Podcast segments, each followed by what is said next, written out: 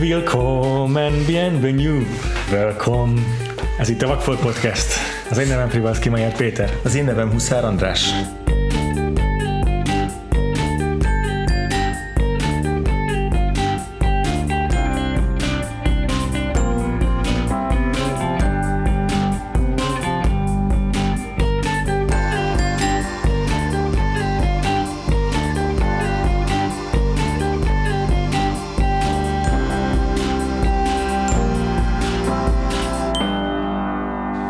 1972-be érkeztünk, és visszautaztunk az Egyesült Államokba, hogy folytassuk musical évadunkat. Már ami legalábbis a film ö, eredetét illeti, nem a, a helyszínét, mert a film helyszíne az Németország, tehát ilyen szempontból mégiscsak maradunk ö, Európában részben. Így van.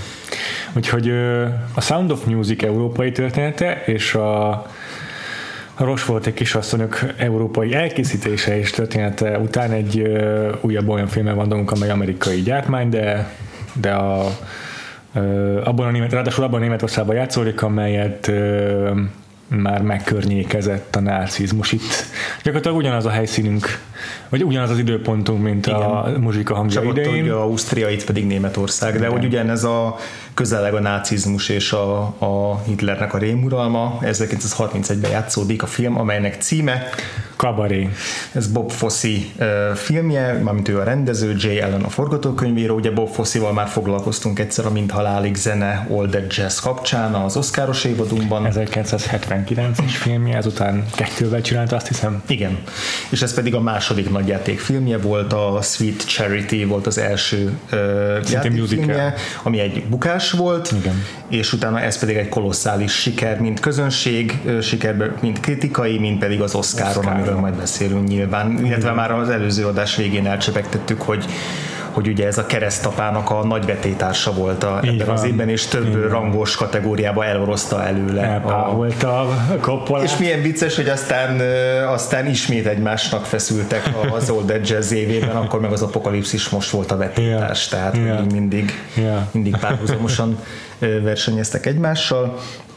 Bob Fosse egyébként színházból érkezett, egy, már, már akkor ilyen legendás koreográfusnak számított, de itt most filmrendezőként is így letette a névjegyét, hogy ő, neki van egy egészen egyedi látásmódja, akár vágástechnikában, akár abban, ahogy ő a film felépítését is elképzeli, erről beszéltünk yeah. elég sokat az Old Edges kapcsán, de yeah. most is azért vissza fogunk térni rá, és hát ezért van még egy személy, akit muszáj kiemelni a kabaré kapcsán.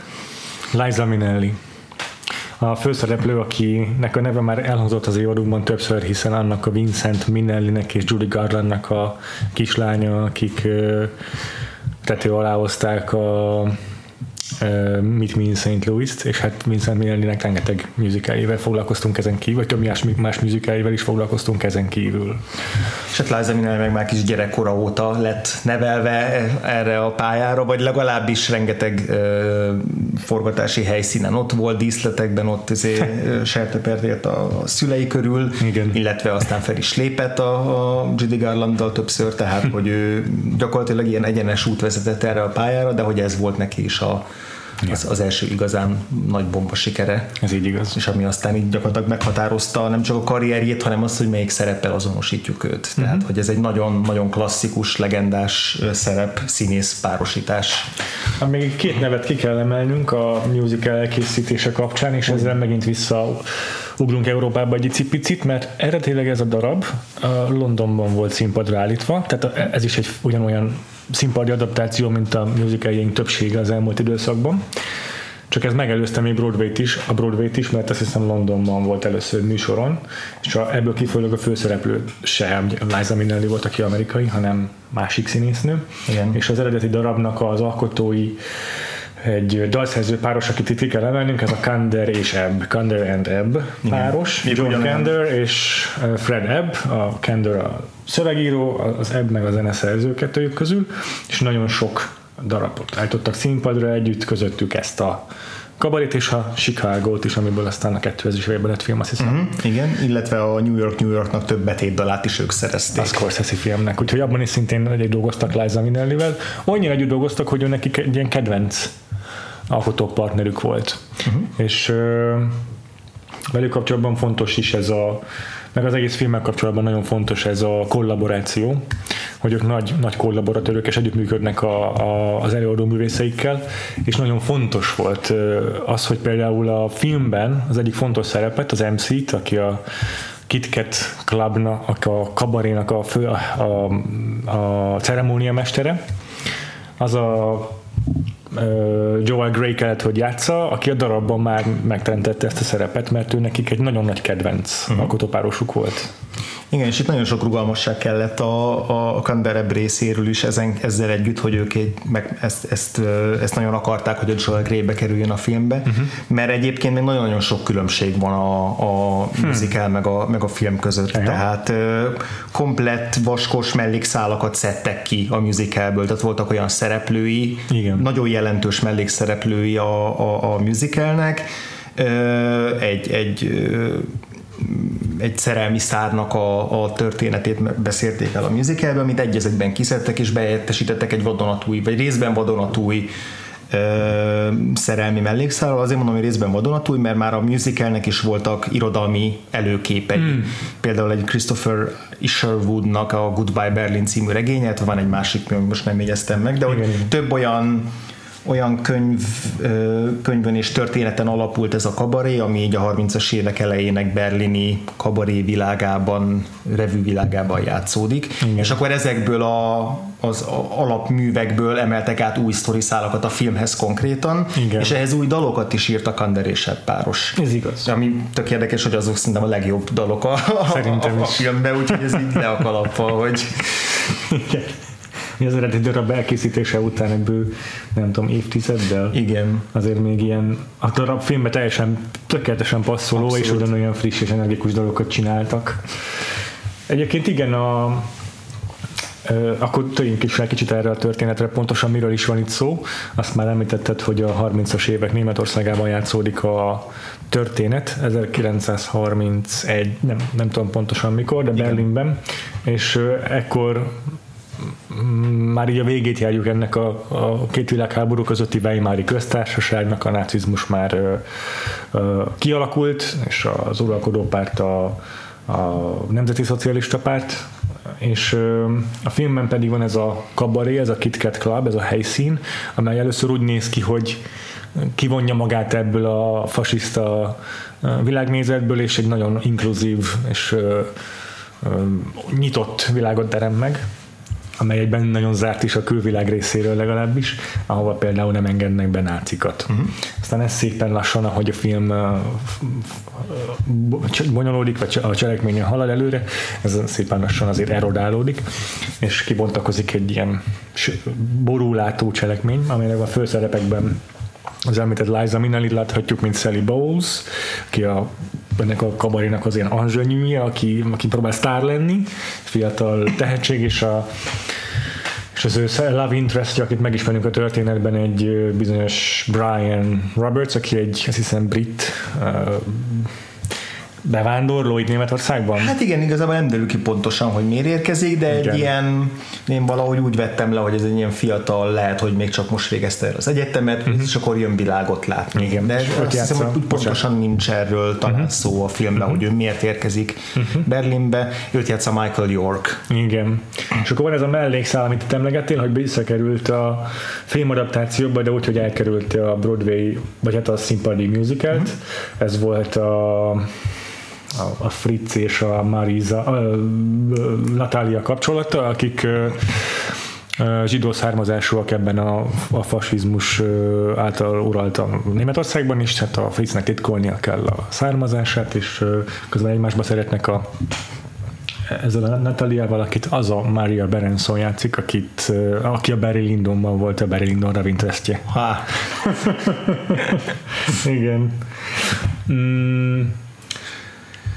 És igazából a, és mi a Brian szemén keresztül, meg az ő karakterén keresztül csöppenünk be ebbe Igen. a kabaré világba, ő így a kalauzunk, mert ugye a filmben is ő a kívülálló, aki így, aki így megérkezik Igen. ebbe a világba, és akkor a, a, a Sally Bowles-nál szállásolja el magát, így ismerkednek meg, Igen. és aztán, aztán így melegednek össze, és, és aztán rajtuk keresztül követjük végig ezeket a folyamatokat, amiket az előbb már, már emlegettél. És ez a két mellékszereplő nem csak így szegről végről kapcsolódik a történethez, hogy mellesleg van egy bíplatunk, hanem, hanem szoros ismerőseik a Brian Sally párosnak, és ez a Fritz, ez ráadásul szerelmi viszonyban is keveredik velük, jól, jól emlékszem? Nem, nem, nem, az egy, az egy új szereplő lesz, ez egy Maximilian nevű új szereplő, aki igen. még ötödikként oh, igen. belép mellettük. Fritz az csak egy jó barátjuk, akit elkezd tanítani angolra a, a, a Brian, a Michael York, uh-huh. és akkor megérkezik ez a gazdag zsidó örökösnő is, van talán a gyártulajdonosnak a, a lánya, akiben rögtön beleszeret ez a Fritz, aki egy kicsit ilyen gigolónak nevezi magát, és aztán, és aztán így keveredik. És akkor egyszer csak megérkezik még ez a Max nevű ja, igen. gazdag fiatal német fickó, aki így először a Szellivel ismerkedik meg, de aztán a, aztán a, a Brian-nel is, és akkor ők egy ilyen érdekes szerelmi háromszögbe ja. keverednek egymással. És akkor ebben is felében. a Kander és Ebb visszatért a gyökerekhez, mert a ezzel a szerelmi háromszög történetszállal megidézték az eredeti műszerzőjének, ennek a Christopher Inglewood. Inglewood, lehet, hogy igen, rosszat mondtam. Nem, nem, nem tudom, hogy én jól mondtam el, csak azért kérdezem. Ível kezdődik, és Wood a vége. Kettő között mi van, az most hirtelen. Isherwood lehet. Szóval ő nyíltan azt hiszem homoszexuális volt, és akkor Brian így rajta, az ő élményei, eleve az ő élményeiből formálódott meg, mint karakter, és akkor a Kanter és Ebb ezt megidézve tették bele a filmbe, hogy ő legyen biszexuális a történetben. Hát illetve vagy ők, vagy a, vagy a Jay Allen és a Bob Fosse. ja igen, igazad van. Itt lehet. azért már szerintem az ő szerepük uh-huh. is nagyon nagy ebben, hogy, uh, hogy ezt, a, ezt az erőteljes queer vonulatot beletették, a, vagy visszatették ebbe a Ez történetbe, ami a musicalben nem, nem volt hangsúlyos, vagy nem szerepelt.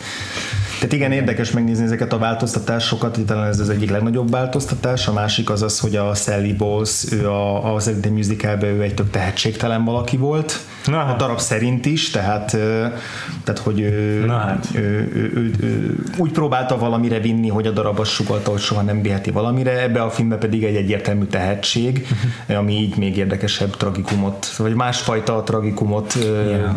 rendel a, yeah. a Sally mellé, hogy látjuk, hogy ő egy valóban jó énekes, jó táncos nő, és vihetné valamire. Igen, mind a kettő tényleg más értelemben tragikus, főleg, hogy igen. A filmben ugye az a konfliktus végül, hogy a Sally a saját álmait üldözi inkább a, a letelepedés és a boldog párkapcsolat helyett. Igen, illetve magának az egész filmnek ugye a központi dilemmája, amit végjár minden szereplővel, hogy hogy ugye mit hajlandóak feláldozni a szereplők a, a fasizmus oltárán, vagy pontosabban szólva, tehát hogy ez a zárt közösség, vagy ez a zárt klub, amit, amit emlegettél, ez mennyire tud zárt maradni, és amikor már egyértelmű velek, hogy nem tud zárt maradni, akkor ki milyen döntéseket hoz. Ja, hát nem az oltárán áldoznak, hanem miatta, tehát itt, itt ez egyértelműen egy áldozathozatal minden hmm. részvevő részéről szerintem, mert alapvetően nem szimpatizál, szimpatizál egyik szereplőnk sem a fasizmussal. Igen, csak hogy pont ugye az a kérdés, hogy, hogy kik mennyire hajlandóak úgymond szemet hunyni, vagy belemenni ebbe a rendszerbe, a karrierjük előre mozdítása érdekében, még hogyha nem is konkrét ö, ö, támogatói lesznek a, a náci pártnak, de hát ugye itt, ahogy egyre inkább fasizálódik Németország, ugye egyre kevésbé ö, lehet megúszni azt, hogy valaki ne, ne szolgálja a rendszert ja. azzal is, hogy egyszerűen passzívan kiszolgálja a rendszert. Hát ja. Tehát igazából ez a, ez a, ez a felelősség, vagy ez a, ugye a művészet és, és politika és elnyomásnak a, a konfliktus rendszere, mint például amiről a Mephisto is szól, ugye a Szabolcsnak a Mephistója, tehát hogy elég sok ilyen jelentős film van, ami ezt a problémakört tárgyalja ki, hogy mihez kezd egy olyan művész, aki, aki egy ilyen fastizálódó országban Igen. Ö, próbál érvényesülni, Igen. és hogy mennyire tudja kizárni a külvilágot és csak a művészetének élni, és hogy ez Igen. valójában mennyire lehetetlen. És erről szólt valahol a muzsika hangja is, de azért annak a mézesmázos mézeskalács vár verziójához képest ez, ez itt elég súlyos tud lenni. Itt így nemi betegségekkel foglalkozunk, meg abortusszal, és egyéb olyan súlyos dolgokkal, amikről eddig hírből sem hallottunk a musical évad során. Igen, és hát a nácik is jóval erőszakosabbak és, ja. és kegyetlenebbek, mint ami ennek a muzsika hangjában megismertük őket. igen, igen. Hát nem is csoda, hogy ugrottunk, vagy tíz évet legalább az utolsó, az a legutóbbi amerikai musicalünk óta.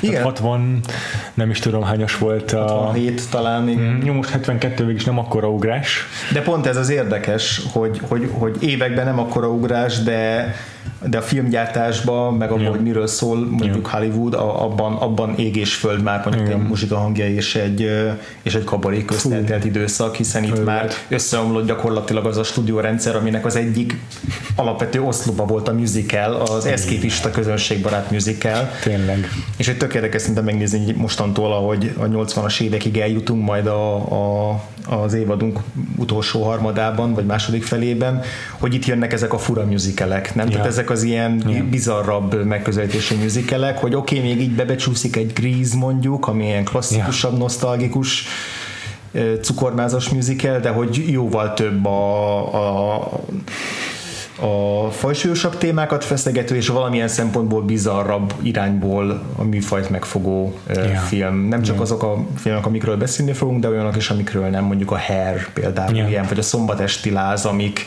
amik szintén így mm-hmm. a mhm. kicsit így már ilyen szídibb, mocskosabb alját is megnézik ennek a musical palotának, aminek eddig így az ilyen fényes tornyaiban járkáltunk. Igen, igen tényleg. Szóval nem tudom, neked milyen élmény volt így a kabaré, hogy most már annyira megszoktuk ezt a klasszikus musicalt, hogy ehhez képest most kaptunk az arcunkba egy ilyen teljesen más megközelítést.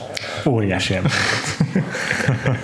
Szerintem ez nem csoda, hogyha valaki hallott az Old Edge Jazz adásunkat, és ha nem tette, akkor most ajánlom, hogy mm. vagy most rögtön állítsa az adást, és azt hallgassa vissza, vagy ezután töltse le azt ebből, mert szerintem tökre párba állítható sok szempontból ez a két film, nem csak a rendező azonossága miatt.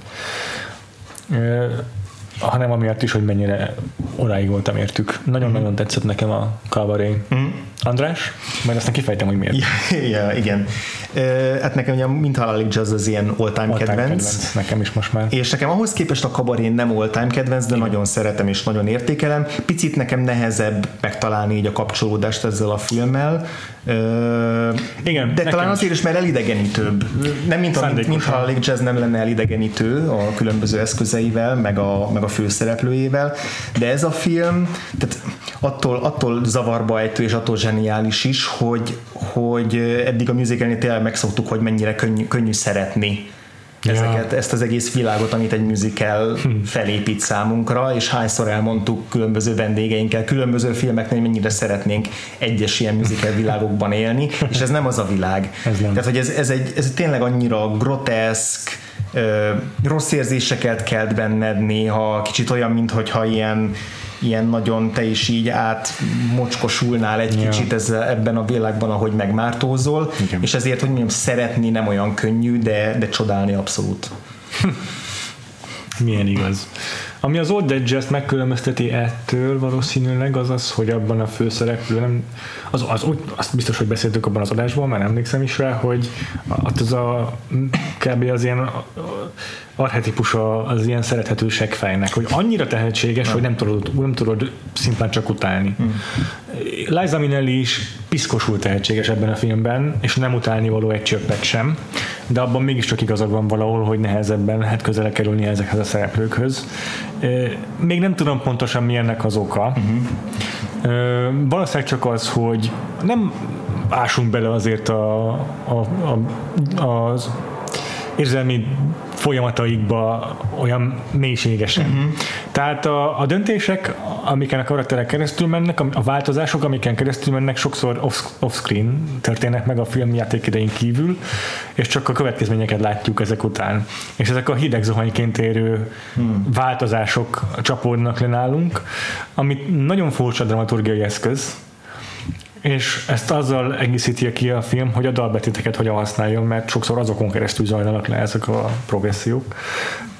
És ez egy annyira eredeti megoldás, annyira furcsa, hogy emiatt tartom lenyűgözőnek a kabarét, de ez emiatt valóban kevésbé hozzáférhető, mert megközelíthető film, mint a, az Old Edges, vagy gyakorlatilag bármelyik egyéb musicalünk. Hm. Nekem az a csodás ebben a dologban, hogy hogy a, a kabarénak szerintem tényleg egy nagyon egyedi történetmesélési mechanizmusa van, amit nehéz elsőre helyén kezelni és értékelni, de úgy tűnik ezt az akadémia azonnal vette, és, és elképesztő, hogy így esővel viszonozta ezt.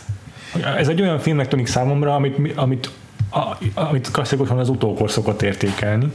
De nem, ezt már akkor elismerték. Nekem ez egy óriási dolog. Igen, igen, ez érdekes, mert hogy, mert hogy tényleg nem ilyen nem, rendezőileg nem dolgozik közönségbarát eszközökkel hmm.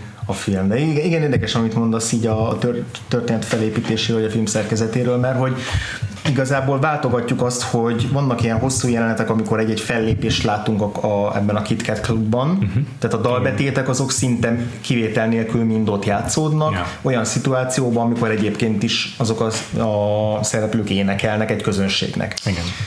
És akkor ezeket felváltja, vagy ezek, ezeket váltogatják a szereplők magánéletében játszódó jelenetek, vagy, vagyis hát a, a klubon kívül játszódó jelenetek, de hogy, de hogy ezek nem válnak így szét teljesen. Tehát így nagyon érdekesen, hát rengeteget beszélünk a Mindhalk Jazz, hogy milyen zseniális annak a filmnek a vágása, és az már itt is a, ezt a linearitás megborító vágás technika, amikor így párhuzamosan keresztbe vág olyan jeleneteket, amik nem tartoznak egybe.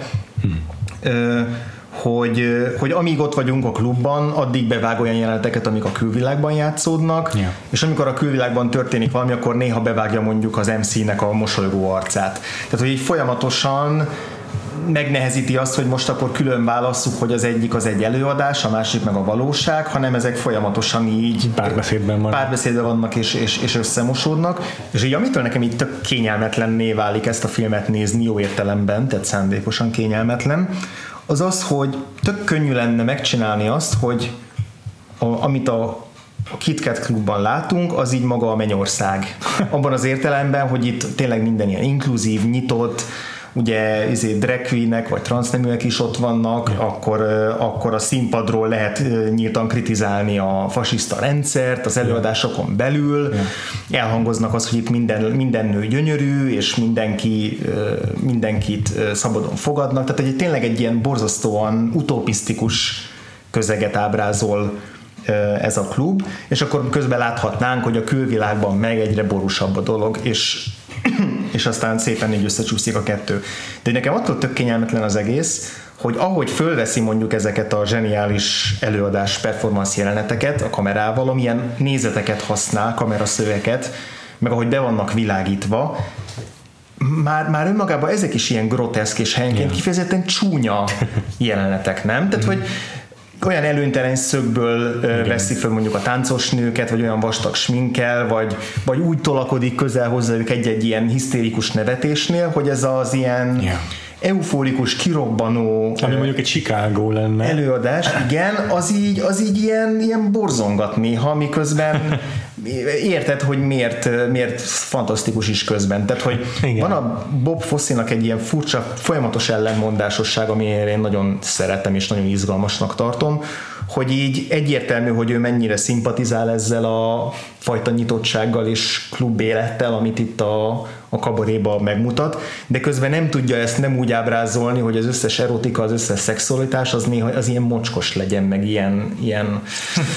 ilyen, ilyen borzongató néha, és, és hogy, tehát, hogy nem az van benne, hogy akkor most elítéli ezt a dolgot, hanem hogy, talán az ő neveltetéséből is, hogy a Bob Fosse is bordélyházakban nevelkedett, és hogy az első, első szexuális élményeit is ilyen revütáncos nőktől szerezte, így nem, nem egészen ö, ö, tiszta Romantikus módon. Igen, igen, igen, pontosan, tehát hogy, hogy neki a, a teljes életét és és munkásságát áthatja ez a szexualitással ez a való ellentmondásos viszony, hogy uh-huh. így egyszerre rettek tőle és megszállottja, uh-huh.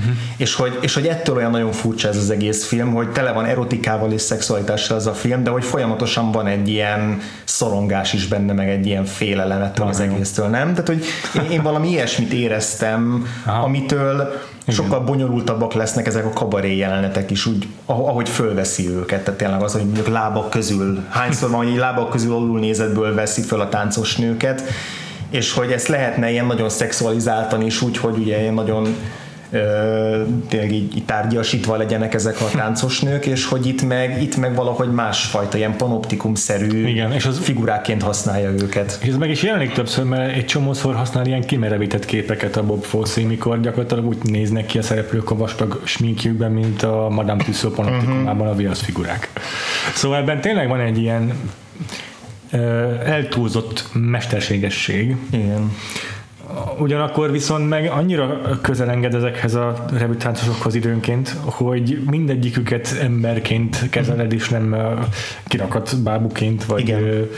vagy esztétikum értékelendő tárgyként, amelyeket csodálunk hogy, hogy ez, ez, ez, ez tényleg megvalósítja ezt az ilyen naturalizmust a, ezzel a félvilággal, ezzel a demi monddal kapcsolatban, amit létezik, hogy, hogy itt a kultúrának, meg a, a szórakozásnak, és az, és az ilyen alvilágnak, meg a mm, az ilyen dorobézolásnak a határán vagyunk. Igen, igen. Tehát, hogy, ez a, hogy a, ezt a hedonizmus, meg ezt a ja. dekadenciát, ezt egyrészt nem ilyen eltartott kisújjal kezeli, uh-huh. másrészt pedig nem is úgy mutatja be, hogy itt, itt valami fertő van, amit, ami így pusztulásba ja. az országot, hanem, hanem ezek így párhuzamon, így, nem tudom, kéz a kézben járnak a, a, a, a filmben az, hogy Szóval olyan nehéz meg, megállapítani, hogy most akkor, most akkor azt mondjuk-e, hogy, hogy a, a kabaréban is, amit már látunk, az egy romlásba ö,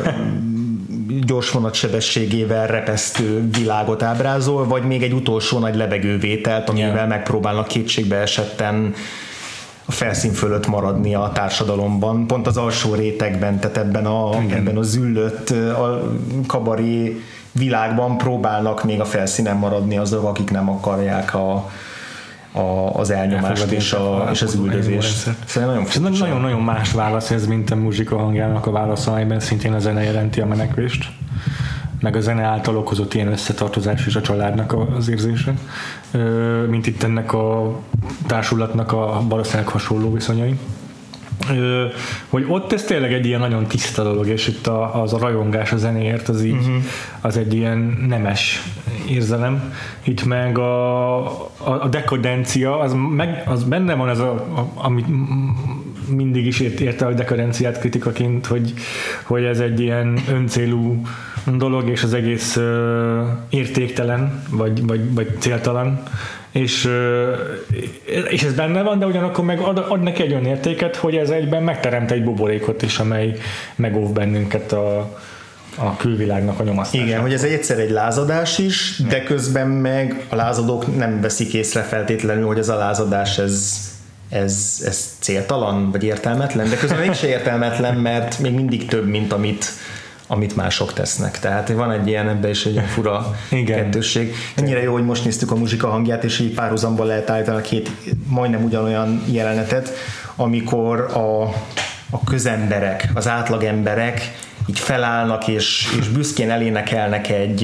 ja. egy népdalt, vagy egy műdalt, tehát egy olyan, de egy olyan dalt, ami az országuk büszkeségéről szól. És ugye a muzsika hangjában ez az, amikor a, az Edelweiss-t éneklik a film végén a, a, a közönséggel, miközben már ugye szorul a, körülöttük a húrok, és akkor ott tudod, emlékszem, minden izé osztrák föláll, és akkor büszkén énekel, és ezzel dacol a nácikkal, mert ez a nemzeti büszkeség, ez ilyen pozitív, és a kabaréban meg a leghátborzongatóbb jelenet, amikor egy vidéki kirándulás piknik során. Egyszer csak egy fiatal szőke legény elkezd gyönyörűen, gyönyörűen énekelni, és először csak az arcát mutatják, és aztán ahogy kihátrál, távolodik a kamera, és az egész alakosként látjuk, hogy, hogy náci egyenruha van rajta, és, és sorra föláll szinte mindenki a, a közönségből, és a végén együtt éneklik ezt a Tomorrow Belongs to Me című dalt, ami valóban egy, azt hiszem, hogy egy rendes német népdalból Aha, lett átírva, Aha, vagy átdolgozva, Aztán. tehát hogy valóban ilyen módon passzol be a közegbe. Hmm és hogy akkor a végén még náci karlendítéssel is jut el a tetőpontjára a filmnek, mm. és akkor utána mondja Michael York a, ennek a Max nevű barátjuknak, hogy na még mindig azt gondolod, hogy őket kordában tudjuk tartani, a korábbi beszélgetésükre utalva. Yeah. És hogy mennyire érdekes, hogy szinte ugyanaz a két jelenet, és egy teljesen ellentétes dolgokra használja ez a két rendező, vagy két író a, yeah ja. azt a közös, közös, közös éneklést. Hát igen, a muzsika hangjánál beszéltünk róla, hogy azért itt a, az, a, a, az Anschlussnak az ábrázolása az nem volt egészen történelmű a filmben és valószínűleg itt a Bob fosse a verziója közelebb is áll a valósághoz ebben, hogy a nemzeti szocializmus az direkt rájátszik, meg kihasználja a nemzeti tudatot, vagy a, a hazaszeretetet, Igen, és fegyvert. A, és a muzsika hangjába ki van jelölve egy, egy gonosz karakter az osztrákok közül, aki így befekszik a rendszernek, ja. és tudod ott izé ügyeskedik, és rájuk szabadítja a katonákat Megvan egy másik fiatal, aki korábban még, a, még ilyen kedves fiúnak tűnt, és aztán a végére ugye izé, ő is, ő is a család ellen fordul, de hogy van egy-egy ilyen ja. személy, akik itt ki vannak emelve, itt meg egyetlen az egész társadalom, uh-huh. társadalmat szimbolizálja ja. az egész rendszert, aki akár tevőlegesen, akár hallgatólagosan hozzájárul arra, hogy ez a rendszer felépülhessen. Igen. És akkor maradnak Igen. azok, akik elmennek, mint mondjuk a Max, hmm. aki, aki ilyen kicsit ilyen lezseren kezeli egész film alatt ezt a náci dolgot, hogy így hát azért megvan, a, meg, megvan nekik is a hasztuk, mert legalább a komcsikat izé, eltávolítják, és akkor majd, majd, majd úgyis minden helyre áll, aztán egyszer csak elmegy az országból, yeah. vagy akár a főszereplőnk a, a Brian Michael York, aki szintén távozik, miután hm. Hát több, több oka is van, de az egyik oka az, az azért az, hogy látja a rendszernek a, az elterjedését. Igen. Ja.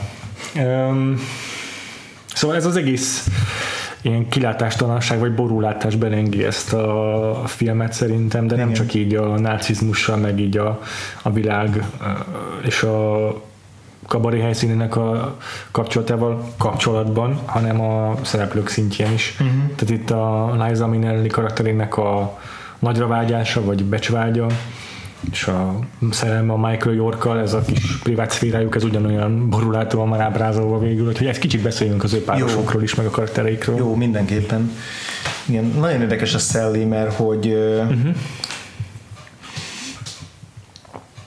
nem egy, ahogy mondod, nem egy ellenszembes figura, nem, egy, nem, nem is nevezhetjük önzőnek, de egy olyas valaki, aki tulajdonképpen a teljes életét úgy éli, mintha az egy performance lenne.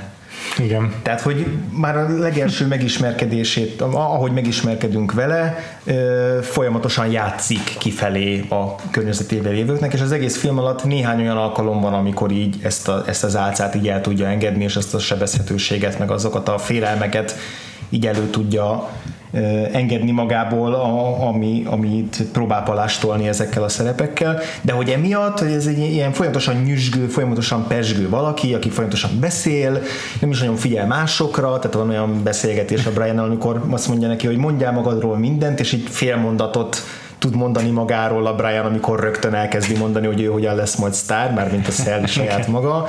De hogy ez, szerintem mind ismerünk ilyen embereket, akik így, akik így annyira saját fejükben élnek, meg annyira ö, tényleg így, így, így előadják magukat folyamatosan, hogy így nem nagyon figyelnek oda másokra maguk körül, de hogy, de hogy azért film alatt látjuk folyamatosan, hogy mennyi mennyi szorongása, meg félelme, meg komplexusa van a, komplexusa, a, a Szellinek, akár az apjával Szélével. kapcsolatban, aki felépít egy ilyen mese történetet, ami nem tükrözi a valóságot, de ez egy nagyon magányos és nagyon elhagyatott ember, uh-huh aki, a, a, aki tényleg egy ilyen lehengerlő személyiséggel próbálja így ezeket a kapcsolatait így fenntartani. Igen. És Van ez a mondat, amit ki is jegyzeteltem, ami illusztrálja, amit mondtál, ez amikor Brian megismerkedik vele még az egyik legelső jelenetben, akkor mondja, hogy te amerikai vagy, you're American. És akkor erre a Sally azt válaszolja, hogy ó, Istenem, mennyire lehangoló. Azt kellett volna gondolni, hogy én egy ilyen International Woman of Mystery vagyok. Igen. Úgy dolgozok ezen a képen, ezen az image-en, hogy majdnem belőlük, ez a I'm working on it like mad. Ez is jellemzi ezt, hogy, hogy tényleg az egész egy ilyen, egy ilyen valójában egy defenzív álca. És tényleg ez a, én úgy fogalmaztam meg az előbb, amikor jegyzeteltem a filmről, hogy ez a film feltalálja, és egyből dekonstruálja is a Manic Pixie Dream Girl-t. Mm. Van már egy ilyen Manic Pixie Dream Girl-ség a Liza Minnelli karakterében, csak az a fontos különbség, hogy a Manic Pixie Dream Girl-t sose ismerjük meg igazából, az mindig csak egy ilyen felszínre kent máz, és Igen. üres karakter van mögötte. Itt viszont megismerjük hogy mi motiválja ezt a karaktert, mitől alakul ki, mitől, mitől lesz valaki egy ilyen személyiség. Pont Igen. ezek a komplexusok. Igen, és hogy ezt a, ezt a Dream Girl-t nem, nem a, a film alkotja meg, hanem maga Sally. Ja, ja, ja. Igen. Egyébként meg szerintem nem csak a Manic Pixie Dream Girl az, aki mint ilyen klasszikus tróp megjelenik itt, hanem, hanem a musicaleknek a sztárjai. Uh-huh. Tehát a Marilyn Monroe karakterek, mondjuk a, a Gentleman Prefer Blondes-ból, vagy a, amit még fölírtam, mert sok helyen emlegetették összefüggésben ezzel a filmmel, azok a Gold Diggers filmek, a uh-huh. Gold Diggers of 1933, ami állítólag kicsit hasonló a cselekménye, hogy ilyen revű táncosok próbálnak valahogy ö, feltörekedni, és ö, ott valamilyen befektetőnek a kegyeit keresik, hogy, hogy sikerüljen befutniuk. Itt is ilyesmiről van szó, hogy van egy ilyen sztár, a várományos lány, aki nagyobb uh, hírnévre vágyik, és, uh, és azokban a filmekben, az eredeti klasszikus musicalekben ezek szintén nincsenek dekonstruálva igazán, meg megmaradnak a, a csábos táncos lányoknak a, a, a szintjén az ábrázolásaik, és akkor, és akkor ezeket a trópokat, ezeket az archetipusokat is dekonstruálja itt a Liza Minnelli karaktere szerintem, meg a Bob Fosse ezzel a történettel. Hmm. Szóval itt már megint ott vagyunk, hogy a 70-es években elkezdődik a, az Old Hollywood izéjainak, a bálványainak az eltiprása vagy kifordítása. Igen. volt már korábbi adásunk, amelyben a, a Westernnel történt meg ugyanez. Hmm volt a hollywoodi oszkáros évadunkkal kapcsolatban egy csomó olyan film, amelyben ilyen mit tudom én, volt film noir dekonstrukciók, a Chinatown, és itt meg a musical dekonstrukcióját látjuk félig meddig szerintem. Abszolút. Abszolút igen, és ez a, a a fináléban is ugyanígy jelenik meg abban, hogy egy musicalben azért happy endnek kell lennie az esetek 90%-ában. Persze láttunk West Side Story-t is, de, de az megint egy külön, az egy, az, egy, az egy kivétel, ami erősíti a zamályt. Igen.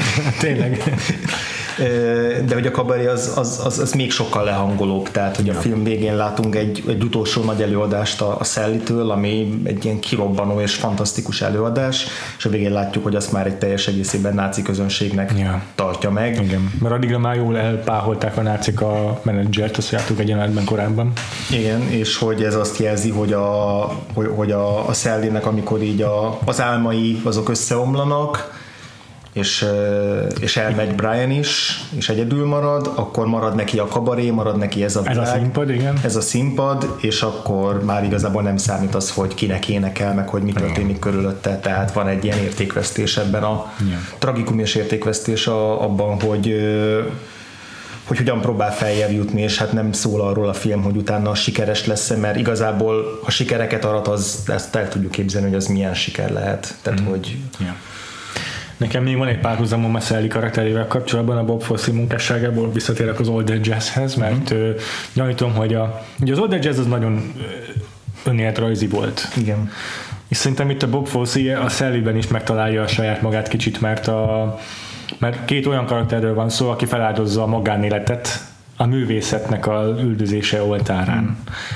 Tehát a Sally is választhatná a boldogságot a Brian mellett, meg a családalapítást és egy percig se képes elfogadni ezt a fajta megnyugvást, hanem, hanem inkább a saját pusztulása árán is, vagy a öndestruktív módon is inkább a, a művészeteket hajszolja. Amiben szerintem Bob Fosse megtalálta saját magát, mm. csak én nem láttam ugyan a Fosse Verdon mm. ott az FX-en, nem tudom abban mennyire derül ki, hogy ilyen lenne valójában Bob Fosse, de mm. a film alapján azt gondolom, hogy ez így párhuzamként összevonható. De mm. esetleg ezzel kapcsolatban tudsz valami mélyebbet, vagy tartalmasabbat? Hát ez egy, ez egy nagyon bonyolult kérdés, még ez, még én sem láttam végig mm. a, azt a, a, minisorozatot, mm.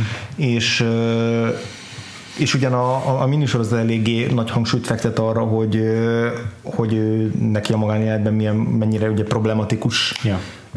személyiség, nem csak a hódításaival, meg a megcsalásaival, hanem hanem azzal is, hogy hatalmi pozícióját mondjuk hogyan használtak így táncos nőkkel szemben. Ja. A sorozatot több kritika érte, a, amik szerint még így is el akarják mismásolni azt, hogy, azt, hogy milyen volt ő a, a magánéletben, szóval ez egy nagyon nehéz kérdés. az biztos, hogy ő is nagyon komplexusos és neurotikus figura volt, sőt, mentális betegséggel is, is küzdött, tehát többször volt depressziós, hogyha mondjuk egy film elbukott, akkor öngyilkos akart lenni, tehát hogy neki ilyen nagyon súlyos önértékelési problémái is vannak, akkor amit említettem, és ami szerintem itt tök fontos, az egész uh, foszi stílus és uh, látásmódhoz, az ez a szexualitáshoz való viszonya, amit ugye említettem, hogy gyerekkorában tulajdonképpen majd, hogy nem az első szexuális élmény az egy megerőszakolás volt, ja, le, majd, majd, hogy nem, tehát uh, uh, amikor egy táncos nők így, így elvették a szüzességét, mint tizen, nem tudom, egy évesen korábban, és és hogy, és hogy ez a kettőség ez, ez megjelenik abban, hogy tényleg minden olyan kabaré jelenet, amit látunk, ezekkel a sötét sziluetekkel, kicsavart testformákkal, tehát tényleg itt a táncosnők olyan, ja. olyan testtartásokat vesznek föl és tartanak ki másod, 10 másodpercig vagy 20 másodpercig, amik így teljesen lehetetlenek, és korábban egyáltalán nem voltak jellemzőek egy. Ja. És hogy ez mindez ilyen szexualitásnak az ilyen groteszk formái szerintem, ami így a foszíra nagyon jellemző. Ez egyébként már a, belenéztem egy táncjelenetbe az 1969-es első filmével, filméből is, most a hirtelen a címe nem ugrik be, de ez a Sweet Charity. Sweet Charity, köszönöm. Na és az 60-as évek esztétikumát idézi ez a film, meg tökre olyan, mint egy klasszikus musical a diszleteiben, meg uh-huh. mindenben, meg a táncosok is Eleve szerintem a történet így szintén egy period piece, és itt tök minden úgy néz ki, mint egy régi musicalben. Viszont a tánc az annyira modern, mm-hmm. hogy így el tudom képzelni mondjuk Emma Stone-t abban a jelenetben. Mm-hmm. És ott is ugyanez van, hogy ahogy bevonulnak a táncosok, így hátra dőlve olyan pózban, hogy így nem tudom elképzelni, hogy képesek megtölteni a saját testsúlyukat. Az is ugyanez, ezek a kicsavart pózok, ez, a, ez az ilyen teljes mm, nyakatekertség. Igen. Annyira modern az egész, Igen. és olyan furcsa hibridét alkotja ennek. Elképesztő izgalmas lehet ez a film is amúgy. Ez, a, ez az abszolút forradalmi a, a Fosszinak a tánckoreográfiájában, ezek a testtartások, meg pózok, ez a, ez a jellegzetesség. Begörbített hát, így valahogy így furán előredül az ember, és akkor mondjuk még itt csettinget is mellé, és úgy mozog a nyakát, így előre nyújtja. Ez egy olyan természetellenes póz, ami ja. egyáltalán nem volt jellemző. Tehát bármelyik táncjelenetet láttuk, ott mindig így feszesen kihúzzák magukat a szereplők, meg ilyen könnyed legyen, légies, itt meg már elkezdi rájátszani arra, hogy hogyan lehet kicsavarni az emberi testet, és emlegetted az ilyen tablóképeket, tényleg ahogy így, vagy ilyen kimerevített képeket, olyan tablókat használ, ahol például mondjuk a Minehair az, ami talán leginkább ö, megjelenik, ö, ez a fosszi koreográfia, az talán a, a, a második ö, kabaré előadás a filmben, és az első, amiben a Liza Minnelli-t látjuk szerepelni, amikor tudod, ilyen ja, székek, székekre, ilyen bárszékeken fekszenek végig a táncosok, és ott uh-huh. mozognak. Na az abszolút, a, a, abszolút uh, reprezentálja, meg szemlélteti ezt a fajta ilyen ilyen uh, furcsán érzéki és közben mégis zavarba ejtő koreográfiát, meg ahogy, meg ahogy fölveszi ezeket a képeket, tényleg ahogy ilyen takarásból mutatja egy-egy szereplőt, és és ahogy végig feküdnek a, a, a székeken, és úgy kitartják magukat, szóval olyan nagyon furcsa látványvilágot teremt, ami aztán szerintem így tök nagy hatással volt azóta így rengeteg ilyen kortás táncra, meg, meg mindenkire. Hogy így, szerintem az azért, hogy felszabadította a foszi a testet az alól, hogy tényleg ilyen elegáns legyen, mint a Gene Kelly, Fred Astaire, Ginger Rogers, akárki igazából, még a West Side Story is. Yeah ehhez képest, és sokkal kimértebb. Ehhez képest sokkal kimértebb és sokkal ö, konvencionálisabb ö, táncos yeah. ö, pózokat használt, hogy a klasszikus balettből mondjuk Őlet. ezekkel az ugrásokkal, ahogy a West Side story így siklanak a levegőbe, azok azért ilyen klasszikus balett mozdulatok. Igen, eddig mindig arról beszéltünk, hogy hogyan mozdul el az ilyen tényleg nagyon kimért Fred Astaire-es eleganciától az akrobatika irányába uh-huh. a tánc, szépen a Stanley Donennen, meg Jingelin keresztül a Jerome Robbinsig, és most meg egy ilyen óriási hagytükonyat vesz, és az erotika felé, az explicit erotika mm-hmm. felé uh, mozdul el. Igen, igen. Nem csak a mozgásokban, vagy a mozdulatokban, vagy testatásokban, jelmezekbe is, tehát tényleg mm-hmm. amilyen ruhákat viselnek mondjuk a táncos nők, az meg ég és föld ahhoz képest, ahogy az eddigi filmekben látjuk a, a, a, a női szereplőinket ja. mondjuk elsősorban. És ez nagyon meg is maradt tényleg, mert a, a, a gyorsan akartam mondani, a Rob Marshall filmekben szerintem egyértelműen uh-huh. ezek maradnak meg, ezek a hatások igen, igen. maradnak meg ma is. Tehát ezek a friss kortárs musicalekben is meg, meg, megjelennek, és ez biztos, hogy tőle elreszthethető. Igen. Na de visszatérve kicsit erre, a pár, még mindenképpen beszélünk Bob Fosse-ról, meg a filmnek az esztétikájáról, mm. de a párkapcsolatok. Igen, igen, igen, még a Brianről. Brianról a... is beszéljünk picit. Igen, én nekem, én, de nekem nagyon-nagyon tetszik a Michael York alakítása ebben a filmben. Nekem nagyon furcsa volt elsőre, hogy mennyire zárkódott uh-huh. a szeléhez képest, és mennyire visszafogott karakter Igen. az ő ábrázolása, a Michael York játéka. De ezt nem megértettem, meg helyére került az egész számomra is. Nekem furcsa a Michael York feje. De, de tökéletes. Mm. És tökéletesen értem, miért ő került ebbe a szerepbe. Neked mitől tetszik annyira? Ö, érdekes, hogy a Michael Yorknak a legtöbb szerepében ő azért ilyen nagyon ö, hát hogy fogalmazok, ez a wooden a, ja. a angol fejezéssel, tehát merev. ilyen merev, igen, mondjuk akár inkább három testőrben, vagy a Logan futása, ezek uh-huh. a klasszikus filmjei. Igen, ilyen merev csávó. Ilyen rokon szembes, meg jó pofa, de hogy általában a körülötte lévő színészek mind, mind izgalmasabbak szoktak lenni. Ja. És itt valahogy nekem, nekem nagyon jól működött az a fajta ilyen angol elegancia, amit, amit hozott, ilyen kicsit ilyen úri fiú, ja. kicsit még talán gigolós is, bár nem annyira, mint a Fritz, Igen, az a másik tényleg. karakter, és, és ahogy aztán a film közben a szexualitásáról egyre többet megtudunk, az, hogy valószínűleg ugye biszexuális, mm. és, és ahogy szerintem tök finom színészi megoldásokkal mutatja be azt, hogy ő egyre komfortosabb lesz ebben a közegben. Hm. Aztán lehet, hogy csak én látok bele, és hm. lehet, hogy egyszerűen csak kevesebb eszközzel dolgozik elő a Michael York, de hogy az elején még nagyon merev, amikor megismerjük, és aztán ahogy, ahogy egyre inkább be, bekerül ebbe a közegbe, és egyre otthonosabban érzi magát, így valahogy, valahogy egyre nyíltabbá válik az ő színészi játéka is, és amikor mondjuk eljutunk odáig, az egyik kedvenc jelenetem, amikor veszekednek a, a Szellivel a Maxen, mm. ezen a harmadikon, a harmadik félen az ő kapcsolatukban, kölcsönös féltékenkedések voltak addig, minden, és akkor a, a, az egyikük az azt mondja, a, a Brian így felháborodva azt mondja, hogy screw Maximilian, és erre azt mondja izé a, a, a, a, a Sally, hogy I did, ilyen büszkén, yeah. és izé ezzel ugye így visszavág neki, és akkor a, a, a Brian azt válaszolja neki, hogy so did I. Uh-huh.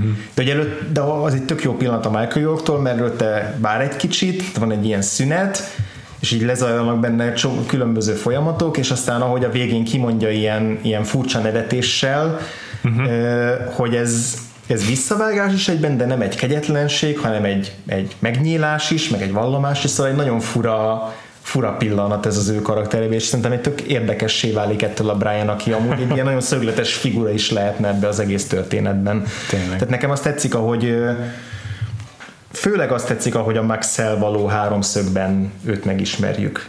Tehát van egy jelenet, amikor az izé Sally táncol, mindannyian részegek egy nagy palotába, és akkor Sally ott táncol nekik, és a Max így heveredik, és akkor a, a, a Brian meg így részegen így figyeli őket. Uh-huh. És csak ahogy figyeli őket, abban ilyen tök érdekes Igen. érzelmek vannak, hogy addig azt hittük, hogy csak az van, hogy féltékeny a Maxra a Szelli miatt, de aztán már látjuk, hogy nem csak erről van szó, és ott például tök jól játszik részeget is, tehát hogy van egy ilyen mozdulat benne, hogy, hogy így tölt egy izé, egy palackból a poharába, és így vissza akarja rakni az asztalra, és így első így nem találja el. És, és ez egy tök apróság, de hogy nekem tök hitelesnek tűnik. Na, szóval így, nekem megtetszik a film végére az, ahogy a Michael York megfogja ezt a figurát, és nagyon rokon szembes, és nagyon szomorú lesz az ő karaktere is. És ez nekem, ez nekem is szökítődött a fejembe, vagy megütötte a mm. szememet, hogy mennyire sokat mesél a film, csak ilyen szavak nélküli jelenetekben, amikor otthon van mm-hmm. Sally meg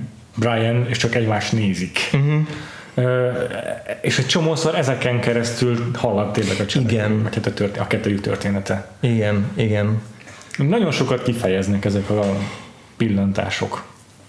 Igen, főleg a vége felé, amikor már így a, esetleg egy közös gyerekvállalásról is van szó kettejük között, és aztán ott picit olyan furcsa is, hogy most ott, ott miért távolodnak el egymástól pontosan. Ott mondom, ott sok olyan, tehát a film szerintem sokszor kihagyja ezeket a... Igen ezeket a fordulópontokat, uh-huh. dramaturgiai fordulópontokat. Ja, de mert pont, nekem pont, pont ezt tetszik ebben a párkapcsolatban, uh-huh. hogy elsőre furcsálottam, hogy itt a dramaturgiát nem építi fel a Bob Fosse, vagy most mi történik, de valójában azért ugorja át ezeket a döntéseket, ezeket a lépéseket, amikor megszületnek a döntések a szereplők fejében, tehát nem látjuk viaskodni a szállít azzal, hogy elvállalja a Brian gyerekét, uh-huh. hanem egyszer csak megtudjuk, bejelenti, hogy elvetette a gyereket. Uh-huh. Mert itt a Bob Fosse ezzel szerintem azt mondja el, hogy ilyenek a művészek, ezt el kell fogadni, mm. hogy őket jobban érdekli a, a, az, hogy művészek legyenek, és ez egy tényszerű dolog mm. nála, és uh, itt már a, tehát ezt, itt a deal with it attitűd, hogy ő is művészként szerintem rengeteget viaskodik ilyen dolgokkal, hogy mikor válassza a magánéletet, meg mikor a színpadot, mm-hmm. és ebben a, a körülötte állók nagyon sokat szenvednek, és itt ezzel azt kommunikálja a Bob Fosse, hogy tudja ezt ő is, hogy ez rengeteg szenvedést okoz másoknak, de el kell fogadni egy hm. művészt. Hmm. és itt is kész tények elé állítja a Bryant a Sally, sose volt vita abból, hogy mi legyen a gyerekükkel, és itt a nézőt is kész tények elé állítja a film, hogy hogy, hogy itt már mindegy, itt már nem le, itt már késő ezen vitatkozni. Mm, mm itt már megszületett a döntés, itt, nem le, itt be, be kell, el kell fogadni a művésznek a, a, az ilyen um, váratlan húzásait, ezeket az ilyen mm. Kiszámíthatatlan döntéseit. Valahogy azt érzem, hogy ez a hogy ezzel ezt az állítást közli a aha, érdekes, ez nekem annyira nem jutott eszembe, de, de abszolút benne van, benne van a filmben. Igen, én, nekem ott az maradt meg ebből a szakaszból, amikor mint kim vannak a réten, és akkor a, ott nagyon mond, mond neki mindenféle dolgot a, a Sally, és közben a, a Brian még nem nagyon figyel rá, hanem csak így valahol el van veszve, és így nem nagyon reagál neki az ilyen mi lesz majd a gyerekünkkel jellegű mondataira, és mint hogyha ott váltna arra, hogy így hú, ez, ez a fickó mégse akarja a gyerekemet, akkor, akkor lehet, hogy mégse. Tehát, hogy van egy ilyen fura ja, értelek. húzódozás bennük, de, de szerintem bőven benne van is, amit, amit te mondasz. Igen, nagyon sokszor ezek a dolgok tényleg nem a szokásos dramaturgiával történnek meg, hanem ilyen szó nélküli Igen. dolgokban. Igen. E, tudom, még, mit ott még erről, ez, erről a kapcsolatról eszembe, legalábbis arról, hogy így megpróbálnak fölépíteni fejbe egy ilyen boldog közös életet, hogy majd Angliába ott uh-huh. ilyen boldogok lesznek, és aztán a végén azt mondják, hogy azt hiszem van egy ilyen mondata a, a izének, a, a Szellinek, hogy hát el tudsz minket képzelni, ott megutálnálak nagyon hamar, és aztán te pedig szintén megutálnál, és nem fejezi be a mondatot, de hogy keresne egy, egy férfi társaságát, vagy más ja. valakit, igen. Ja. Szóval az jutott eszembe a Meet Me in St. Louisból, az a jelenet, amikor a Judy Garland meg az ő csávója a Proto Harrison Ford, ők, ők beszélgetnek arról, hogy majd amikor elmen, elköltöznek New Yorkba együtt, és összeházasodnak, és milyen boldog lesznek, és hogy egy pár beszéd alatt eljutnak odáig, hogy rájönnek, hogy így ebből, ebből nem lesz semmi.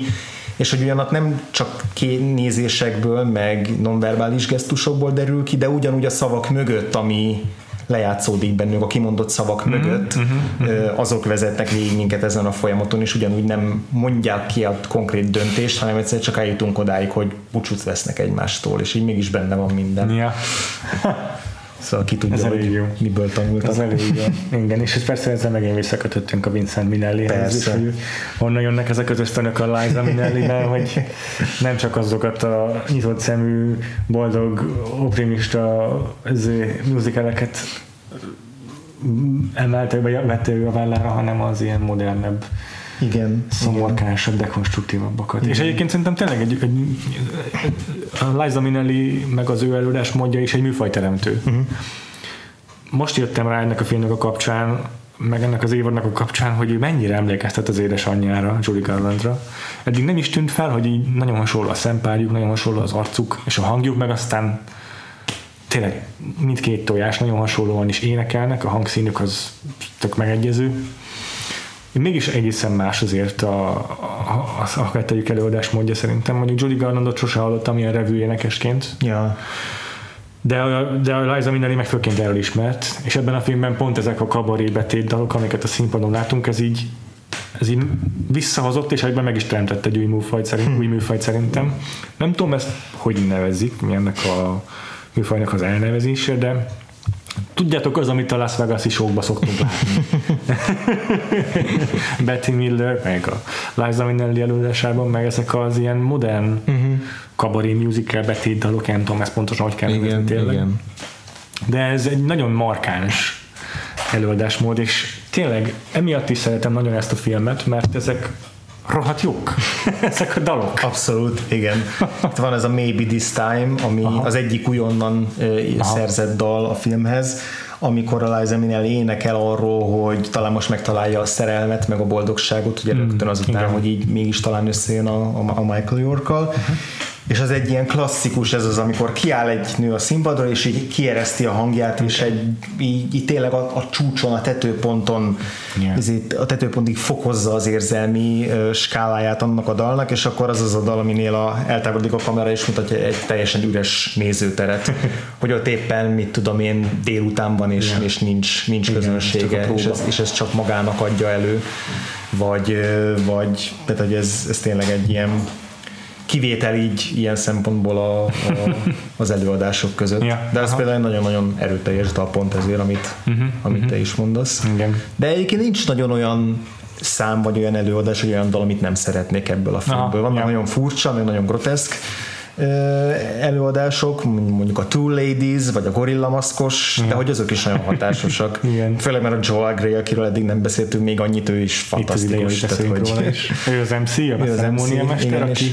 ugye már a Broadway, sőt már a londoni adaptáció óta játsza ezt, játszotta ekkor ezt a szerepet. Igen, és tulajdonképpen nem egy ilyen hagyományos értelembe vett karakter, mert nincs olyan jelenete, amiben ő mondjuk Megismerjük civilként, civilként szerepelne. Nekem ez itt furcsa is volt, és hiányzott is, hogy a film közepén nem ismerjük meg, hogy hogy viszonyul, hogyan beszélget mondjuk a Szellivel. De nem abszolút semmi ilyesmi, ő csak Igen. a színpadon, és csak abban a karakterben látható ebben. Kicsit ilyen, so, ilyen, ilyen szimbolikusabb figura. Ja. Ö, aki... Olyan, mint a, egyébként ilyen Hector Hemzseg az Old Dead Jazz is. Ja. Szerintem. Tehát abban ugye van ez az angyali karakter. Igen. Ő is itt csak reflektál meg azért, öm, öm, reagál a filmre meg a főszereplőjére, és itt is szerintem van egy ilyen párbeszéd. Igen, igen, csak ő itt egy ördögép figura, miközben ugye ő ennek az egésznek a porondmestere, meg az igen. ilyen a, tehát egyrészt szimbolizálja azt is, ezt, ezt a nyitottságot, meg ezt a, ezt a hedonizmus, de hogy szerintem abszolút egy ilyen sátáni figurája ennek a filmnek. Vagy legalábbis nem is sátáni, nem hanem, sátáni, hanem, hanem Szóval olyas valaki, aki kikacsint a nézőre, hogy látjátok, hogy milyen romlottság Igen. zajlik itt, és hogy látjátok, hogy ez hová vezet ez az egész. És nem csak a kabaréra, hanem az egész társadalmi betületére, meg politikai betületére a filmnek, hogy a, hányszor van olyan jelenet, amikor egy náci erőszakot bemutató jelenetnek a végén odavágjuk a, a vagy odavágja Bob Fosse a, a, az MC-nek, a ceremóniamesternek a mosolygós arcát is. Uh-huh és ettől válik ilyen démoni karakterré, uh-huh. hogy ő így, mint egy ilyen történ- történelmen kívülről így jelzi számunkra, hogy Igen. itt hogy itt, uh, itt ez a pokolba vezet ez az egész történet, amit mi látunk, és, és nem lesz jó vége. Ja, és most itt sem tudom pontosan megnevezni ezt az archetipust, de nem. drámákban már 19. században létezett, az biztos nem klasszikusan ilyen romantikus uh, archetipus lehető, Na mindegy, de, de tényleg biztos, hogy így a, a, a pokolhoz közelebb álló figura ő, mint a mint a Mennyországhoz. Igen, a Aztán lehet, lehet, hogy csak azért mondom ezt, mert az első szerep, amiben én Joel Great láttam, az a Dallas akkor sorozatzáró fináléja volt, amikor konkrétan a sátánt játszotta én vörös szemmel, és akkor megjelenik a Jokinak, és így izé kísérti, és a végén felgyújtja a házát, meg izé, és ott emlékszem, ott kacagatta izé, tűzkellős közé, és nagyon-nagyon félelmetes volt ez a figura, emlékszem rá. Aztán. Ez volt az első, amiben őt láttam. és ott nyilván ezért is szerepeltették, mert hogy erre utaltak már a kabarébeli karakterére, hogy ő is nagyon összefort ezzel a figurával. És hogy közelebb van a, a valóság, a néző igen. általi valósághoz, mint a filmnek a Igen, igen, igen, igen. és hát 87 éves most is él, és Ekkor nagyon fiatal volt, és nagyon szexi fiatal ember volt egyébként a rengeteg mm. make-up alatt szerintem, tök jó képű csávó ez a Joe Gray, és a felesége egy táncos a Joe Wilder, és több két közös gyerekük van, közülük az egyik, tudod kicsoda? Nem. Nobody puts baby in the corner. Jennifer Grey. Ha, ha, ha.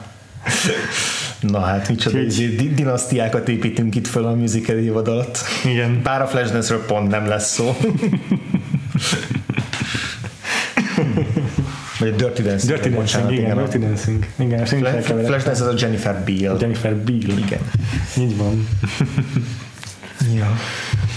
És hát ő, akinek a nevéhez leginkább fűződik ez a szerep, és olyannyira, hogy még viszonylag a közelmúltban is volt egy alkalom, amikor eljátszotta egy ö, megemlékezés alkalmával volt egy ilyen Kennedy Center uh-huh. nevű hely, ahol a, volt egy emlékest a Kender és Ebb párosnak az emlékére, egy ilyen tiszteletbeli, nem tudom milyen megemlékezés, és ekkor újból színpadra vált a Joel Gray már idősen, és óriási vastapsot kapott, amikor eljátszotta ezt a szerepet, de nem egyedül játszotta el, hanem az Ellen, cumming aki nagyon sok revivalben a 2000-es években játszotta az MC-t, és Volt a Bill Coleman nevű darabot, tehát a legelső számot a ketten együtt. Nem együtt tettek elő, hanem felváltva, de volt egy ilyen revival, az Ellen Cumming és a Michelle Williams voltak a főszereplő, és a Michelle Williams pedig, aki a Fosszi Verdonban a Gwen Verdon játsza, ugye a Fosszi ja, alkotótársát, feleségét. És én meg is néztem, milyen az Ellen Cumming abban a szerepben, mert a Tony Diatodon is eljátszotta egyszer valamilyen alkalomból a Will Comment, és tök más, mint a Joe Gray. Hmm. Joe Gray ilyen elegáns figura, Igen. classy az egész előadásra, van benne egy ilyen, van egy ilyen nagyon előkelő kisugárzással, meg ez a törékenység a Fred Astaire emlékeztet kicsit, csak igen. tényleg azt is már így cinkosan kikacsintva igen, csinálja. Igen, igen. Ez a kikacsintás nem, nem, nem ez a kikacsintás, amire, amire hangsúlyt teszi az Ellen Cumming, Aha. hanem sokkal mod, jobban, tovább modernizálja szerintem az eleve nagyon modern szerepet, és expliciten szexuális végig. Aha, aha. Eleve egy ilyen Hosentrogerben van, amiből kilátszanak a melbimbói, meg a táncai sokkal ö, kifejezőbb, és az egészben a, az a cinkosság, az egy ilyen vitriolos szarkazmusba fordul át. Tök érdekes megnézni a kettőt egyszer. Ja, ezt meg fogom majd nézni. Nekem nagyon tetszik az is. És a, nekem nagyon tetszik, amit láttam a, a Revival-ből. Michelle Williams csak egy darabig volt sajnos. Ez egy ilyen all-star revival volt, mert a Michelle Williams szerintem filmszerepek elköteleződése miatt nem sokáig aha, volt színpadon, aha. csak pár hónapig. Aha. Nem tudom, tudod, de kik vették át tőle Fú, a darabot. Nem. Először az Emma Stone, ah. aki tökre el tudok képzelni. Ja. És aztán a, az általán kevésbé ismert színésznő Sienna Miller vette át a szerepet, de három ilyen ilyen klasszikus, vagy nem klasszikus, hanem ez a három 2000-es, 2010-es évekbeli mm. szőke sztár egymást váltották a színpadon. Tudod, de ki rendezte azt a darabot? Mm, fogalmam sincs. Nagyon érdekes szerintem, mert a Sam Mendes volt a, a rendező, és a, és a Rob Marshall a koreográfus, tehát itt társrendezőként mm-hmm. ők ketten. Mm-hmm. Rob Marshall-t ismerjük, hogy azt hiszem a Chicago-nak a rendezője, Igen. meg most már millió Disney adaptációnak, meg élő szereplős a ne, elkészítése fűződik az ő nevéhez, Így inkább rosszabb, mint jobb dolgok. Viszont igen, az Ellen Cumming már nem, nem először játszott el akkor a, az MC-t, és azóta se utoljára állt színpadra abban a szerepben, úgyhogy ő így szinte egyből vette át a stafétát a Joe, a Joel Gray-től. Tök jó. Aki meg egy Oscar díjat nyert a szerepért, többek között három keresztapás színészt is uh, leigázva. ott, ott mondjuk lehet, hogy ilyen szavazatok széttöredeztek, de... De, de a többi kategórián ezt viszont nem lehet igen, igen. elmondani, mert itt olyan díjak is vannak, amit többenetes, hogy mondjuk a fényképezést elvitte. Gordon Jeffrey, Jeffrey Unsworth a Gordon Willis elől. Igen. Tényleg lenyűgöző a film fényképezése, főleg a kabali, tehát a KitKat Clubbali felvételek, ha gondolok. Azok hátulról megvilágított ez a sziluettek, amiket mondasz. Igen, igen. Tük- tükörképeken keresztül uh-huh. széttöredezve. Igen. Meg igen. tényleg a bevilágítása ennek a térnek az is lenyűgöző. Ja. És hát nyert a vágás is. Uh-huh. Uh-huh. Megint csak egy olyan dolog, ami tehát a, a keresztapa az így a, érted, a, a vágásnak a, az alfája és omegája. Hányszor emlegetjük a, a, a keresztelés jelenetet például. Ja, igen. Ö, ott azért az így újra teremtette, meg újra fogalmazta a vágásnak az aranyszabályait ez a film. És, és azt hinnénk, hogy az ott akkor egy ilyen mérföldkő, de ez is egy mérföldkő szerintem. Igen, hát ez az. Igen. Itt ugye Liza Minnelli nem volt kérdés, ott az ilyen toronymagas győztes volt ja. ebben az évben. Mm-hmm. És hát Bob Fosse pedig Coppola elől rendezőként is elorozta az Oscar, ugye ez volt az az év, amikor egy Emmy díjat és egy Tony díjat is nyert a Bob Fosse két másik produkcióért, tehát hogy ez nála egy ilyen gigantikus nagy tarolás volt az életébe. Uh, Szóval érdekes kérdés, hogy, itt a itt, itt, itt, vajon mit tennél te a Fúha, döntőbizottság helyébe? Én valószínűleg az Oda Jazznél adnám oda a Bob Fossinak. Abban ráadásul ugye pont nem a... A Kramer kontra Kramer nyert ott minden, Így van, nem a Coppola az apokalipszis most teszem, szóval ott, ott, nem is kérdés, ott, hogy, ott, hogy ott ő nyerne, viszont itt lehet, hogy azért a Coppolának a keresztapáért, hogyha tudnám előre, hogy majd a Fossi megkapja a, a, a, az Old Jazzért, tehát ez nyilván nem így működik. ja. Igen, itt a, ugye a legjobb filmet nem nyerte meg a, nem. a, a kabaré, hanem azt viszont megnyerte a keresztapa. Így van. És ott a, tudod, hányat nyert a keresztapa? Összes hány díjat nyert végül a keresztapa? A maga 11 jelöléséből? Hát a, a legjobb film Marlon Brando, uh-huh. És uh, zene talán? Nope. A zene az egy súlyos fiaskó, mert kizárták Aha. a Nino Rottát. Hoppáka. Tehát a 11 jelölésből végül is 10 maradt eleve csak Nino Rottáról kiderült, hogy korábbi filmjéből vett át dallamokat, és azért egyből kizárták, mert mm-hmm. akkor már mm-hmm. szigorúbb volt a original score értelmezése. Aha, fú, hát ez jó kérdés, mert szerintem díszletnél is ilyen kabaré lehetett inkább a győztes. Hát a legjobb adaptált forgatókönyv. Yeah! A Mario Puzo. És azt ugye elnyerte a a, a Carberry elől, ja, ja. szintén jelölt volt. Ja, ja, világos. Aha, aha, és ennyi? És ennyi. Három Oscar díja van a keresztapának, Schlusspass. Kemény. és a, a, a Kabaré meg úgy rekorder, hogy a legjobb filmet soha meg nem nyerő filmek közül a legtöbb Oscar-t ez a mm-hmm. mindmáig is nyolcat váltott díjra a maga jelölései közül. És igen, a legjobb díszlet is ezek között volt. Jelmez. És volt ez a Original Song Score and Adaptation kategória, ami nem tudom, ilyen hibrid, mert egyszerre original, meg egyszerre adaptált, de valahogyan Aha. akkor még osztották ezt a díjat, abban nyert. Természetesen. Jó van. és a legjobb hangot is, ami megint egy olyan dolog, hogy a keresztapa megint megnyerte volna azt is, mert vitathatatlanok az érdemei hangban is. Tehát hihetetlen. Úgyhogy igen, ez így nehéz. Nem, nem tudom most hirtelen mik voltak az egyéb jelöltek abban az évben, de már ebből a kettőből is igen-igen nehéz választani, mert tényleg Abszolút korszakalkotóak szerintem mindketten. Abszolút. Na jó, van, van-e számodra egy gyors, van-e, van-e van. számomra egy gyors kvízed? Nem tudtam a személyes nyomásokat megfelelően használni. Van, van. Még azt itt az Oscarról elmondanám, hogy híres volt arról, hogy Marlon Brando nem vette át a díjat. Ja, igen, ez, ez volt az a persze. Mm, az is végül is egy ilyen, ha úgy veszem, akkor egyel kevesebb oszkárja van a filmnek, mert hogy a Marlon Brando sose vette át. Végében mindent elveszük tőle. igen, igen, igen. Mm. Aztán még éres arról, hogy Charlie Chaplin az egyetlen versenykategóriájos oszkárja. Uh-huh. Mert volt egy filmje, amit sokáig nem mutattak be. Aha. 20, azt hiszem 20 évig nem mutatták be Amerikában, uh-huh. és akkor 72-ben nyerte meg.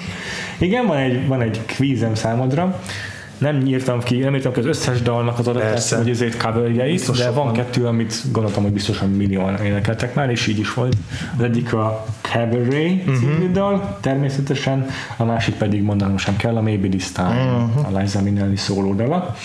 Mm, szinte iszonyatosan jó mind a kettőnek a dalszövege. Ebben megint csak egy óriási kedvencet uh, avatok ebben a filmben, mert uh, ezeknek a vérbeli musical betét daloknak ad egy olyan ö, kettős, vagy ilyen árnyalt dalszöveget, ami, és annyira intelligens dalszövegeket, hogy már emiatt is ö, azonnal a kedvenceim közé került.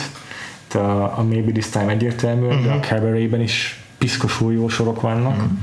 Ö, hogy nem csodálom, hogy ezeket ennyien előadták. Ja, ja. Itt a cabaret kapcsolatban nem is nagyon tudok neked feladványokat mondani, mert csak a szokásos Jó, hangzanak oké. el. Ugye itt az eredeti dal, eredeti dal az már sok, sokkal régebbi, 60-as Igen. évekbeli, és akkor Bing Crosby, Ella Fitzgerald neve hangzik el, mm. Louis Armstrong is. Mm. Ella Fitzgeraldról csak érdekesség, hogy 70-ben adta elő, de csak 99-ben jelent meg a felvétel, mert addig nem adták ki a budapesti koncertjének a lemezét, ahol ez dal elhangzott. Na hát, tök jó. Valami magyar hangkeverőnek a nevét találtam ott a lemezen. Van egy valaki, akit még nem emlegettünk itt a különféle Aha. színpadi adaptációk között, aki viszont természetesen, mint hogy eljátszotta a főszerepet, előadta ezt a dalt is. Ez egy brit színpadi adaptáció volt. 1968-ból. Uh-huh. Van-e, gond, van-e tipped arra, hogy melyik az a Dame, az az angol dáma, aki máig is aktív színésznő. Ja, ez a Judi Dench. Igen. Uh-huh. Judi Dench játszott el a színpadon még egy későbbi. Aha, az- aha. Vagy hát úgy értem, hogy nem az eredeti Igen. színpad, színpadi adaptációban ezt a Sally Bowles Aha. szerepet. Aztán a Uh, Maybe This Time-nál találtam érdekes verziókat, a szokásos Tony Bennetten kívül, meg mit tudom én. Van egy ilyen nevünk, hogy uh, Fú, egy, egy most aktuális és aktív színésznő család egyik tagja, Színésznő nő családtag, tehát itt több azonos vezeték nevű színésznőről beszélünk, az ők az egyik, aki öm, több horror szerepéről ismert. Szintén ezek mind aktív kortárs szerepek, meg ilyen pár évvel ezelőttiek. Nem a Fonda. Nem, nem, Nem. mindegyik színész, Minden- mindegyik tag most fiatal és aktív, vagy hát most Ja, kortárs. értem. Aha. Ö, nem, nem egy ilyen dinasztiáról beszélünk, hanem ez csak egy most korás család. Oké. Ö, tehát egy több, több horrorban is szerepel ez a színésznő, ezek is mind pár év, az elmúlt pár évnek a darabjai. Ez egy konkrét horror franchise, amiben ő visszavisszatérő szereplő, uh-huh. ez a nő. És amiben ez a dal elhangzik, az meg egy tévés adaptációja az egyik legismertebb horror per thrillernek. Aha. Nem, hogy ez egybe ugyanaz. Ez a ez a Vera Farmiga a Bates Motelben? Hát igen, és valamelyik ilyen Conjuring Purge, mit tudom Aha, én, valamelyik ezek, Conjuring, ezek közül ezek van valamelyikben, univerzumban. igen, igen. Ez a Vera Farmiga. Igen, nem tudom mi a kontextus az epizódnak, csak megnéztem a Youtube-on, szerintem tök jól énekli el. Tök jó. Érdemes meghallgatni. Aha. Van még egy, van még két nevem. Oké. Okay. Az egyikről azt írtam fel, hogy a, a vezeték neve egy betű. És popstárként vált ismerté. Aha. És Egy a, nőről beszélünk. igen, ö, 90-es évek vége, 2000-es évek elejének a sztárja. És először egy csoportban, tehát egy, uh-huh. egy zenekarban, egy, egy, egy, egy együttesben vált ismerté ezzel a névvel. Ezzel a ez névvel. va- valamelyik Spice Girl, Méghozzá Sporty Spice Girls segít. az valamelyik, Na jó, amiről még ismert. valamelyik Mel, nem? Mel B mondjuk? Nem, C, pont nem, C. francba. Még annyit mondtam volna erről, hogy egy, a, szóló karrierje egy du- duettel kezdődött Brian Adams-el, uh-huh. tudom, ez segített volna. Nem, nem. Na jó. Mert a When You're Gone című számot azt óriási játszották annak idején a Vivan. Na jó, mindegy, akkor a Melanie C játszotta. Az is tök jó uh-huh. egyébként. És akkor van még egy szuper ismert nevünk, akinek volt egy saját revű műsora, egy évet, egy évadot ért meg a tévében. Mm, Ez a The valaki valaki Hour című műsor uh-huh. volt, és egyébként egy ilyen, szintén egy ilyen diváról beszélünk. aki- De mostani, vagy Aha, ez nem, nem, ez korábbi? akkori, tehát ez a, a kortárs. Ö, Musical szerepeiről is ismert angol színésznő. Akkor nem a Barbara Streisand. Nem? Egy ilyen idősebb generáció, mert ő is szintén aktív színésznő, de már nem énekel. Julie Andrews. Ilyen tíz. Ő a saját műsorában elő Aha, ezt. aha. Ez, ez, is tök jó. Tök jó lehet. Nagyon más az ő orgánuma szerintem. Igen. Ehhez azért kell egy öblösebb, mélyebb hang, meg ez a alt talán, amiben a Liza Minnelli énekel. Hát a Julian Rose nem olyan hangfekvésű, de érdekesebb van az előadásban is a dal. Látszik, hogy amiről őt megszoktuk, ezek a kis csengőbongó dalok, ahhoz képest ez nagyon más, uh-huh. és ezt is képes megcsinálni uh-huh. Julian Drews, úgyhogy ajánlom azt is. Na jó, ennyit a mai kvízekről. Egyébként a dalokat mindenkinek ajánlom meghallgatni külön-külön is, mert szerintem szenzációsak. Jó van, András. Okay. Akkor maradunk még a az évadot? 70-es években, és ha jól tudom, akkor már a Rocky Horror Picture Show következik. Ami egy nagy legendás, egyik leghíresebb musical ebből az évtizedből, sőt mm. szerintem a leghíresebb, a hatalmas utóélettel, ugye máig rendszeresen szerveznek erre mindenféle happeningeket, ez túlnőtt a film a maga keretein, ilyen kulturális ja, adaptálták entitássá válik, igen. nyelveken. Úgyhogy mi megnézzük, hogy milyen maga az eredeti film, és mit szólunk hozzá látatlanban. Ezzel fogjuk folytatni, addig pedig megtaláltok minket mindenhol, ahol meg lehet találni minket. Így van, vakfoltpodcast.hu, facebook.com per vakfoltpodcast, twitter.com per vakfoltpodcast, és mindenféle podcast hallgató platformon, uh-huh. Spotify-tól az Apple Podcast cikk, a Google-on, hát megtaláltok bennünket. Twitteren is fönn vagyunk, én a Games aláhúzás név alatt, Péter a Freevo alatt két elvel, de van a Vakfolt podcastünknek is külön Twitter figyelje. Hogy kövessetek bennünket a fejleményekért és akkor jövő héten találkozunk a Rocky Horror Picture Show-val is veletek. Így van, addig is sziasztok! Sziasztok!